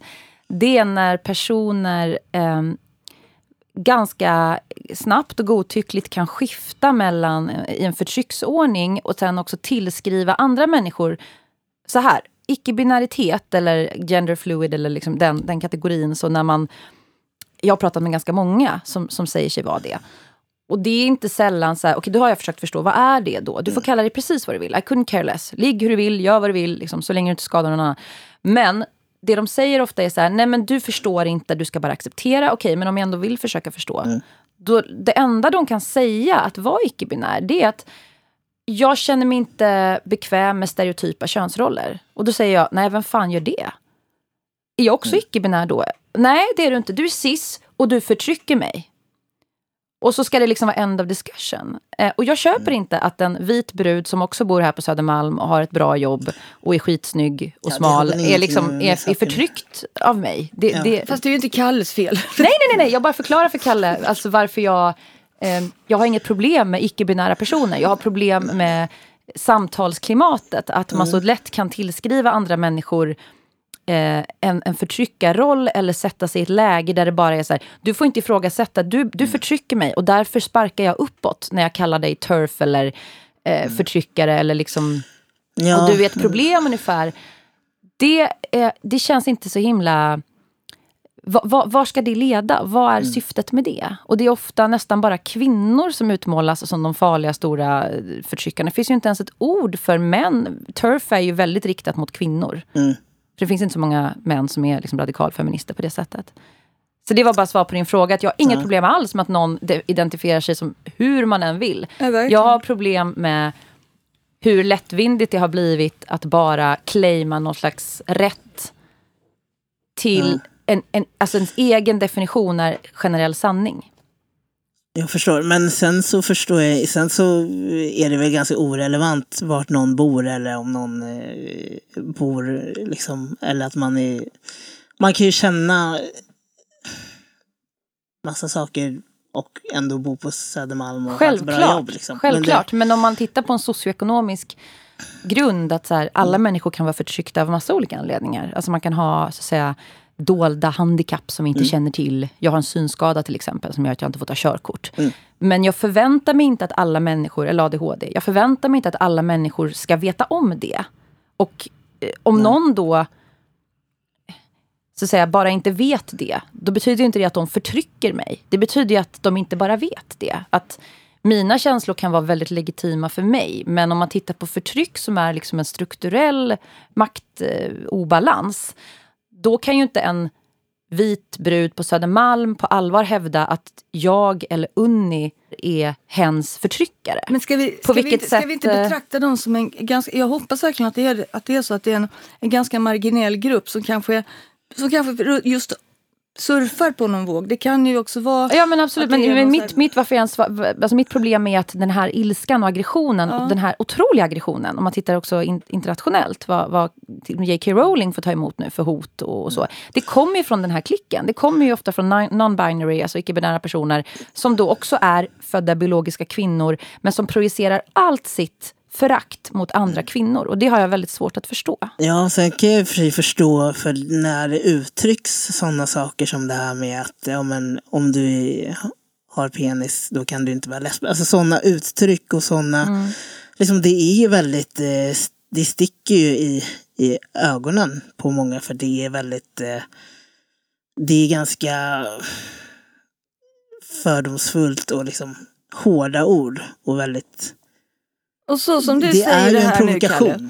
Så Att, som eh, du uttrycker det, ditt sätt att bemöta det på. Alltså det är bara egentligen så jag tycker man kunde bemöta sånt på. Mm. Inte att skriva dödshot bara för det. Nej, men jag, nej, som sagt, jag tror de flesta gör väl inte det heller. De flesta en, blir nog Nej. bara väldigt ledsna och... och Låt oss be till Gud att det inte är de flesta. Herregud, hur skulle det då se ut? Nej, jag, jag, jag håller med. Jag tror Nej, dödshot är väl extremt. Men, men däremot att det är ju, jag har pratat med ganska många lesbiska eh, kvinnor som beskriver, ehm, i Sverige då framförallt, som beskriver att eh, att säga nej till en person med penis, alltså antingen på Tinder eller ja, på, på köttmarknaden om man säger. Det är transfobi. ja, Och nej, vad men, är då att vara lesbisk om det inte handlar om att man tänder på kvin andra kvinnor så som man tänker att en... Alltså, det, det är en bio, så här, Annars Ja. är man ju inte lesbisk, då är man ju typ bisexuell eller pansexuell. Ja, alltså, eller? jag har väl två kommentarer till det där. För det första är det så här, det, det skulle ju ge då att här, du kan bara bli intresserad av personer som du träffar som vars könsorgan du har sett. för annars vet du ju inte vad den här personen mellan benen. Kan, kan du, alltså så här, det är självklart att om man är, du, ja men så här, det är klart att, eh, ja men som du säger, du, du har träffat mig och så du skulle inte The crying game. Att plötsligt... så, Nej, men- Nej, men exempelvis om, om, om, om jag träffar en person eh, och så tycker den att ja, men jag verkar ju jätteintressant, eh, trevlig. Liksom. Eh, då har ju den, skulle ju den ha förmågan att eh, kunna känna intresse för mig eller liksom fast den inte har sett vad jag har mellan mina ben. Liksom. Och Nej, men det är ju man samma sak. Lesbisk då? Då är man väl inte lesbisk? Alltså, varför, vad, lesbisk betyder ju att du är kvinna och tänder på kvinnor. Ja, men jag menar om jag träffar en kvinna som tänder på män och så träffar den personen mig. Är inte den personen då heterosexuell för att den träffar mig? Alltså det, det- strukturellt, så här, enskilda fall. Det finns väl människor, jag såg det här första dejten, heter det? Först på SVT, det här programmet. Då var det en transkvinna som passerade väldigt mycket. Alltså jag trodde inte att det var en transkvinna. Jag trodde att det var liksom en cis-kvinna. Eh, som var på dejt med en eh, cis-kille då. Och berättade en bit in i dejten att jag eh, är född man. Och då har man ju som heterosexuell eller eh, bisexuell eller, eh, eller homosexuell, då har man ju ett val att så här, ja men jag är så intresserad av det så jag skiter i vad du har mellan benen. Men hela konceptet med att vara, ursäkta val, ordval här, men konceptet med att vara lesbisk, det är ju att du inte dras till personer som har en penis. Du vill inte ha sex med penis. Jo, det är väl liksom jo, den absolut, allmänna definitionen av att vara lesbisk. Annars är man ju inte lesbisk. Jag tror att gener ja, men generellt så, ten, så är det ju inte så att du blir attraherad eller liksom dejtar en kuk eller en fitta. Liksom, utan det du dejtar är väl en säg inte person. det. Men, ja, annars, det kan man göra också. Men, men vad är det generellt- lesbiska tänder på annars? Är det den kvinnliga könsrollen? Alltså kvinnliga... Ja, men jag, tror det, jag tror att det där är jättesvårt, men jag tror att det är också en glidande skala. Alltså, sam, samtidigt som vissa tycker det är jätteviktigt med liksom, kön, könsorgan och vissa tycker att det är ganska ointressant. Absolut. Vissa tycker sex är jätteviktigt, vilka, vissa tycker inte, vissa har inte sex. Liksom. Så att det är inte det som gör att här, jag är intresserad av den här människan. Jag, jag tänder på, liksom, eller jag blir kär i den här människan. För det är det som är... Så jag skulle säga liksom att, eh, för det, det, den tesen blir ju att här, du kan inte bli kär i någon om du inte har egentligen sett hela den personen då, vad den har mellan Kär benen. och kär tänd eller, eller Ja, tänder, drag? och det kan man ju bli ändå. Men alltså, man snurrar in sig här. Det Ja, blir men- alltid en labyrint.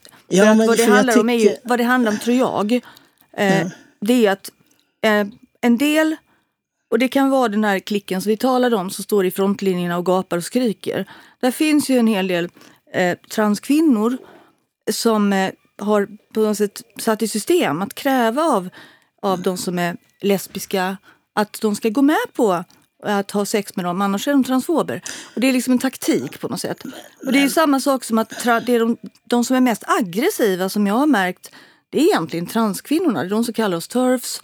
Och de kräver att alla vi kvinnor ska, vi som är födda kvinnor då, ska liksom, eh, se dem som minst lika mycket kvinnor som vi. Vi ska inte, vi ska inte vilja se det här att de faktiskt har penis till exempel. Vi ska inte räkna det, för då är vi också transfober. Men jag Men- ser aldrig det från den gruppen som har gått från eh, kvinna till man.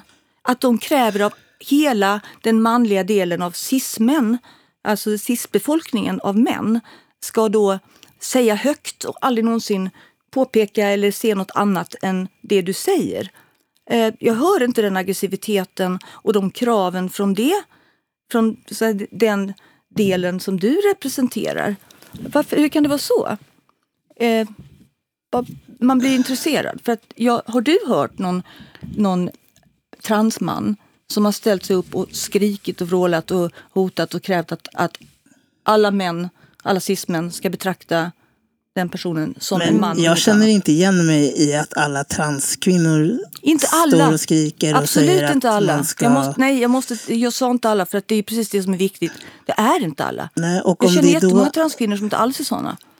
Ja, och om det då är en så här liten, liten procent vi pratar om här, varför, har, varför är det så stor del av samtalsämnet? För då, Ja. då är det ett icke-problem egentligen. Men om, man Egentligen. tänker, om, jag- om, jag Men på om vänder på frågan så här.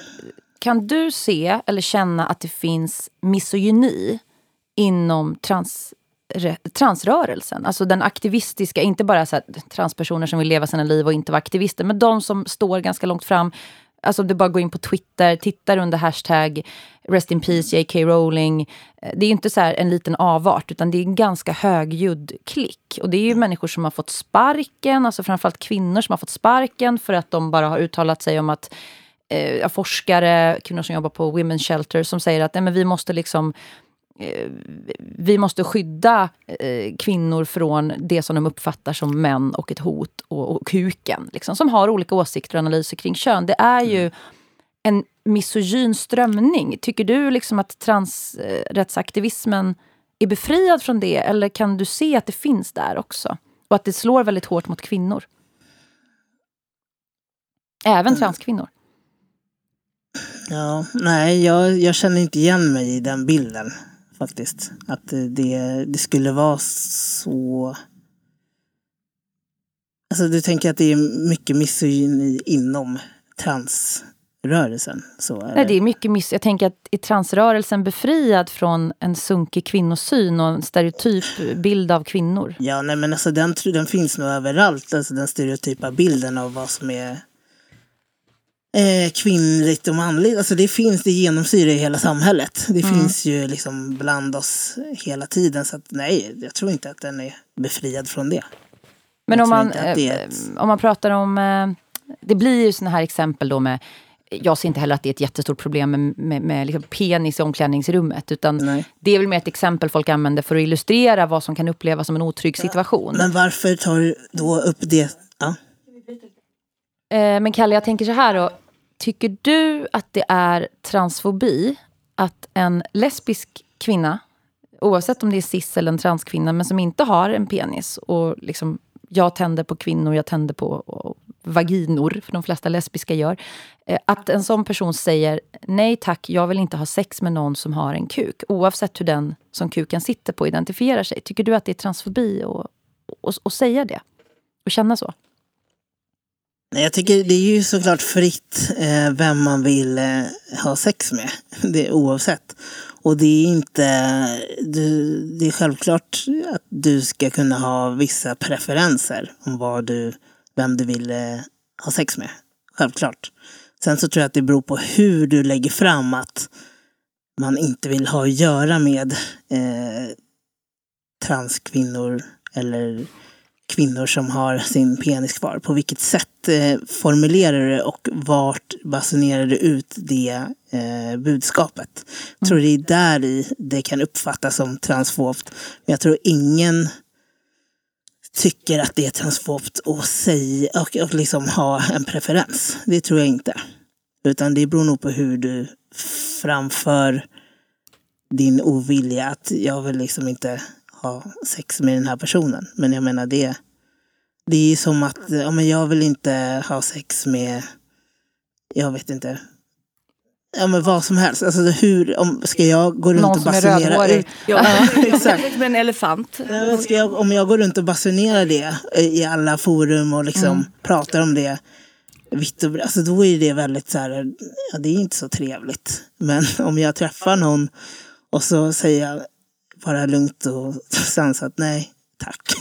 Då är det en helt annan grej. Förstår du vad jag, jag menar? Förstår precis. Men om vi kommer in på, på, på transfobi då. Om du helt eh, utan våra dumma frågor bara får mm. definiera. Vad, vad tycker du är transfobi? Vad, vad är det för dig?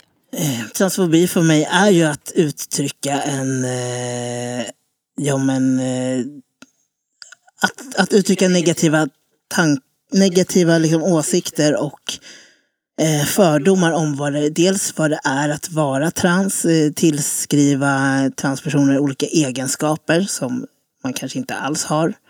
Och att eh, tydligt ta avstånd från vissa så kallade egenskaper eller saker som kommer med att vara trans som man kanske inte... Vad skulle det vara för egenskap? Ja men exempelvis det här med att med, med kön, könsorgan, sådana saker oh, exempelvis. Ja, att det blir så himla fokuserat på den saken. Eh, det blir väldigt... Debatten tycker jag blir skev för det är inte ett så... Jag, jag upplever inte att det är ett sånt stort problem. Men kan du, du upprinnelsen till det här J.K. Rowling-debaklet, mm. det var ju att det stod någonstans i någon artikel från ett, någon typ av ja, stödorganisation, tror jag det var, att eh, de kallade inte längre de som var kvinnor för kvinnor. Det handlade om kvinnor i tredje världen skulle ha, under coronapandemin mm. ha möjlighet att sköta sin menshygien. Och för att inte exkludera någon så, så skrev man menstruatörer mm. om kvinnor. Och det var ju det hon gjorde sig lustig över, J.K. Rowling. Att inte kalla kvinnor för kvinnor utan nu heter de menstruatörer så att ingen skulle känna sig exkluderad. Mm. Och då, när den här diskussionen uppstår då blir det som att det från två håll är ett, det är ungefär som ett äktenskapligt gräl på väg mot skilsmässa. Bägge mm. två känner sig kränkta, bägge läger känner sig likadana egentligen och beskyller varandra för alla möjliga fobier hit och dit eller mm. cis eller turf eller vad det nu kan vara. Hur kommer vi därifrån? Mm.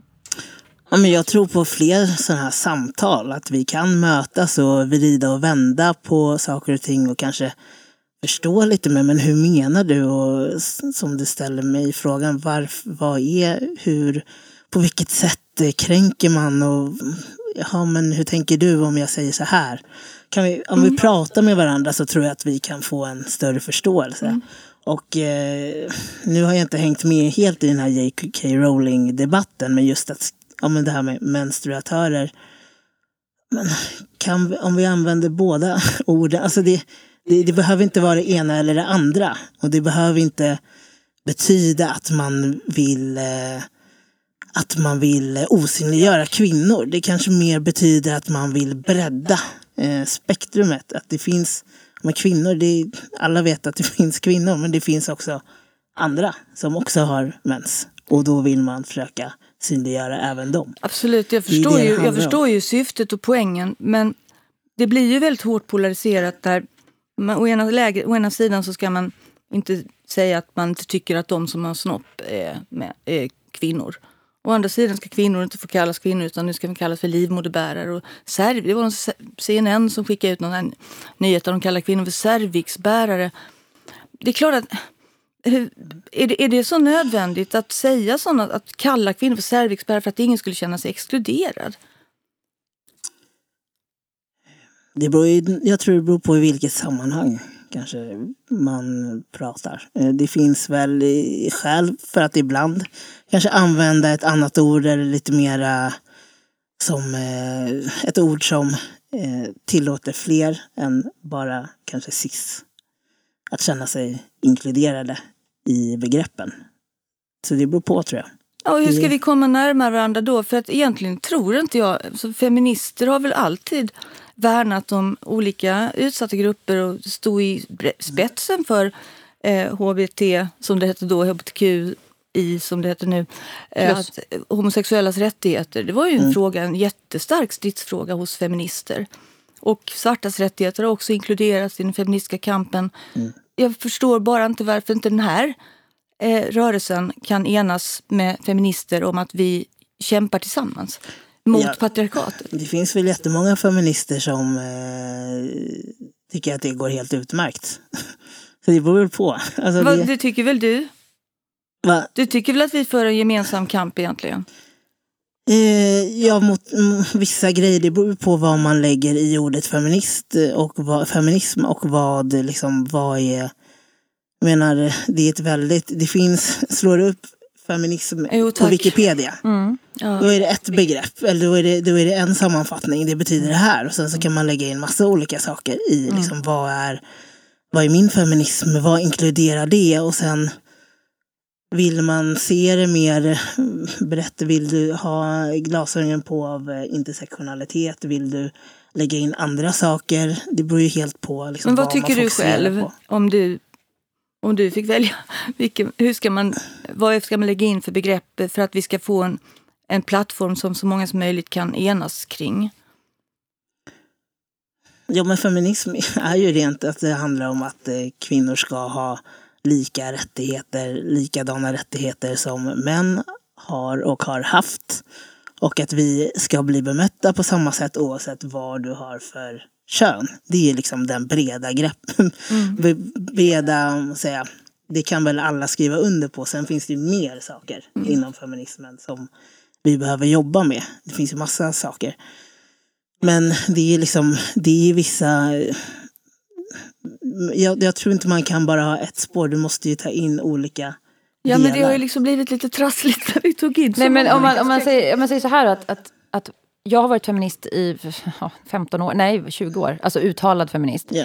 Och jag har aldrig egentligen, jag har bara skrivit om kvinnofrågor utifrån mitt eget perspektiv. Och för mig är det väldigt enkelt att så här, historiskt och strukturellt i världen så förtrycks ju kvinnor och flickor mest, absolut mest på grund av sin biologi. Det är inte så att man könsstympar eh, små tjejer i delar av världen för att de känner sig som kvinnor, utan för att de har en vagina. Liksom. Eh, och då blir det ju, det är det jag har utgått ifrån, att kvinnor blir våldtagna, bortgifta, eh, sexuellt ofredade, eh, misshandlade av män, utsatta för ett enormt patriarkalt förtryck. Till absolut störst del på grund av vår biologi. För att man vill kontrollera vår reproduktion, alltså abort, aborträttsfrågan och sådär. Mm. Sen så finns det massa strömningar i västvärlden och liksom i den mer liberala kontexten att man, alla ska få känna sig som man är. Man ska få göra revolt mot de här normativa, ganska skadliga könsrollerna. Mm. Men där det liksom slog clinch, och det här hände väl egentligen, det började väl bubbla upp 2014, 2015 i Sverige. Att plötsligt så blev jag och flera andra liksom profilerade feminister kallade TERFs. Eh, och vad vi inte förstod, vi hade inte ens sagt ett pip om transpersoner. Eh, att det skulle vara någonting problematiskt med det. Utan bara för att vi inte lyfte trans, vad man tyckte då i transfrågor så var vi TERFs. Och det skapades massa bloggar där man hängdes ut. Det var inte bara jag, det var många. Eh, man hängdes ut som, som jätteproblematiska TERFs. Och det var ingen som riktade den här strålkastaren mot män och sa de här männen som faktiskt rent statistiskt är de som utsätter transpersoner. Det är ju män som i absolut störst utsträckning trakasserar, eh, våldtar, hotar och misshandlar, mördar transpersoner. Det är ju inte kvinnor, mm. alltså, vare sig cis-kvinnor eller transkvinnor som gör det. Men ändå så blev det en väldigt, väldigt stor fokusering på att feminister, då, kvinnor och feminister, är det stora hotet mot transpersoner. Och så försökte jag navigera i det i flera år och vara så här rätt och lyssna och ta in. Och bara så här, okej, okay, hur fan ska jag, ska, jag vill vara inkluderande, självklart. Det vill ju de flesta, det här med intersektionalitet. Eh, det här analysbegreppet. Liksom, mm. Men till slut så blir man ju jävligt trött på att hela tiden bli kallad turf. Eh, vad man än gör eller inte gör. Att, att bara diskutera det här med biologiskt kön och vad är en kvinnokänsla? Okej, okay, om det inte är biologiskt, om det bara är en känsla. Och nu är det turf, och nu är det turf. Och då blir det ju en polarisering att till slut så tror jag många... Man pallar inte längre. Man är bara så här, varför ska jag hålla på och, och vara trevlig och inbjudande när man bara blir skammad och får glåpord kastade på sig. Och det, så här, det går inte att göra rätt. Men om man... Mm. Förstår du vad jag menar? Det är inte synd om mig, jag bara berättar hur jag upplevde den här clinchen, att vad det var som hände. Och det är absolut inte alla transpersoner, men det är en ganska högljudd klick som driver den här retoriken. Ja, men sen är det ju också så här, det är internet och det är mycket diskussioner som pågår där. Och sen så hur stor del av så här gemene man har ens följt med i den här debatten eller är mm, engagerad. Ja. Utan det är ju de som är som mest engagerade som pratar om det här. Mm. Nu. Och så blir det så uppeldad och så, ja, och så det blir det något större. krig. Och så ska det kriget till slut handla i intersektionalitetens anda. Vilket jag tycker är en feltolkning egentligen. Om vem som är mest förtryckt. För den som är mest förtryckt får flest poäng på den här eh, kränkthetsskalan. Och då, då, blir det en omöjlighet för att då, kan, då kommer alla att bli uppstyckade. Då blir vi bara atomer. För att då kan, alla individer har ju ett, en historia. Och då kan vi aldrig enas. Då har vi ingen gemenskap överhuvudtaget. Men vi, vi kan prata länge som helst. Vi måste avsluta för vi ska, alla ska hämta barn och grejer. Men Kalle, vad tänker du framöver i den här väldigt polariserade debatten eh, mm. kring kön, kring vad är kön? Är det en känsla? Är det, sitter det mellan benen eller i huvudet eller både och? Hur ska vi kunna mötas? Olika ja. grupper som har olika, ja. olika tankar kring kön. Jag tror att man måste förstå att kön är komplext. Det är inte bara en känsla. Det är inte bara det som är mellan benen utan det är väldigt brett. Det, är, det har med liksom fysiologi att göra, det har med hormoner att göra, det har med eh, massa olika saker att göra. Det är väldigt komplext och det är lätt att blanda ihop eh, olika kort i det här mm. när vi pratar om det. Och det är lätt att det förväxlas med könsroller och det är liksom Ja, jag tror man måste prata mer. Prata mer om det och eh, vilja ha en förståelse för hur andra människor känner och, och tänker. Mm. Eh, och vilja liksom ha ett, eh, ett klimat, debattklimat där vi respekterar varandra. För idag så känner jag att det är väldigt hårda ord. Mm. Och det bidrar till att folk blir väldigt så här ledsna och, eh, och mår väldigt dåligt i det här eh, klimatet som vi har idag. Mm. Och det är jättetråkigt att se och särskilt om det finns unga transpersoner där ute som liksom hör eh, det här debattklimatet och kanske mår väldigt, väldigt psykiskt dåligt av att faktiskt bli ja, men bli så liksom tillintetgjorda som att deras verklighet inte skulle vara på riktigt. Eller som att det bara är ett hittepå eller att det inte är allvar. det tycker jag är faktiskt eh, jätteviktigt att ta med sig. Att det handlar om unga människor och liv det här. Men jag måste bara lägga in en liten brasklapp då. Eh, vi ska avsluta. Men det här återkommer man ju till. Att, att, att man analyserar kön och mm. den strukturella eh, samhälleliga så att säga, synen på kön och vilka effekter det får för hela samhället om vi börjar definiera kön på ett mm. annat sätt. Så. Att det skulle vara att man ifrågasätter enskilda, framförallt unga personers existens. Mm. Det är ett ganska konstigt utgångsläge för att mm. överhuvudtaget prata om en sakfråga. För att man ska, man ska undvika en väldigt allmängiltig och stor fråga för att det finns mm. individer som tycker att det är jobbigt att man pratar om det. Hur nej, känner du kring det? Liksom? Nej, jag tycker att man ska prata om det. Verkligen. För att här, det är intressant att prata om. Vad, mm. vad kön är och hur vi liksom förhåller oss till det. Och hur vi bemöter varandra. Det är en jätteviktig och stor fråga. Så jag tycker verkligen att vi ska prata om det. Man måste bara tänka på hur man pratar om det och hur mm. man uttrycker sig så att det blir så schysst och, och respektfullt som möjligt. Ja, för att det var en tid när, när kampen handlade om hur vi ska nå det eh, klasslösa samhället. Och nu verkar det som att vi ska försöka nå det könlösa samhället. Och det kanske är en, ett ideal att vi, kön försvinner. Men då, det kan ändå inte försvinna från våra kroppar så att säga. Men det mm. försvinner, mm. kanske som ett begrepp vi behöver dela in oss i. Ja, kanske. Ja, för nu när man får fylla i, det var någon som delade häromdagen, det var något formulär i Sverige, alltså någon sån här, du, jag vet inte om det var Försäkringskassan var det mm. inte, men det var någon, så här, någon som la upp en bild där man kan fylla i då, vad har du för kön? För det är mm. nu tydligen irrelevant, man ska svara på vissa frågor. Då är det så här, man, kvinna, övrigt, och så var det liksom tre andra alternativ som var så här, men varför ska man ens då fylla i om det inte spelar någon roll? Alltså förstår du vad jag menar? Då kan man bara skita i, den, i det steget. Och så får man väl vara, då, inte det, då finns det ingen relevans i ens prata om det. Nej, då är vi alla människor på något sätt. Eller? Ja, alltså, det vore väl ideal om vi kom bara dit, så att mm. alla är, ja. är människor. Men innan vi kommer dit måste vi ju...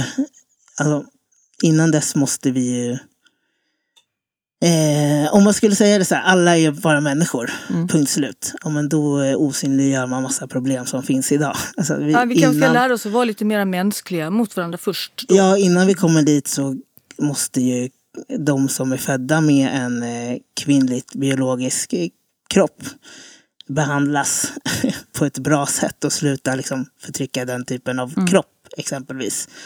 Eh, dit måste vi nog komma innan vi kan säga att ja, men ingenting spelar någon roll. Mm, sen, exakt. Men, så hur vi kommer dit är ju Ja, jag hoppas att vi kommer dit snart. Men, Bra eh, poäng! Ja, verkligen. Bra Samtalet poäng. fortsätter ja. och vi är så tacksamma för att du kom hit ja, och verkligen. pratade med oss, Kalle. Och hade tålamod med oss. Tack så mycket. Tack. Tack själv. Du har lyssnat på Wallin och Droge, första avsnittet med gäst. Eh, gillar du det du hör kan du stötta oss på Patreon. Eh, alla pengar i stort sett går till Unnis eh, Attefallshus som hon ska köpa och flytta ut med sina hundar.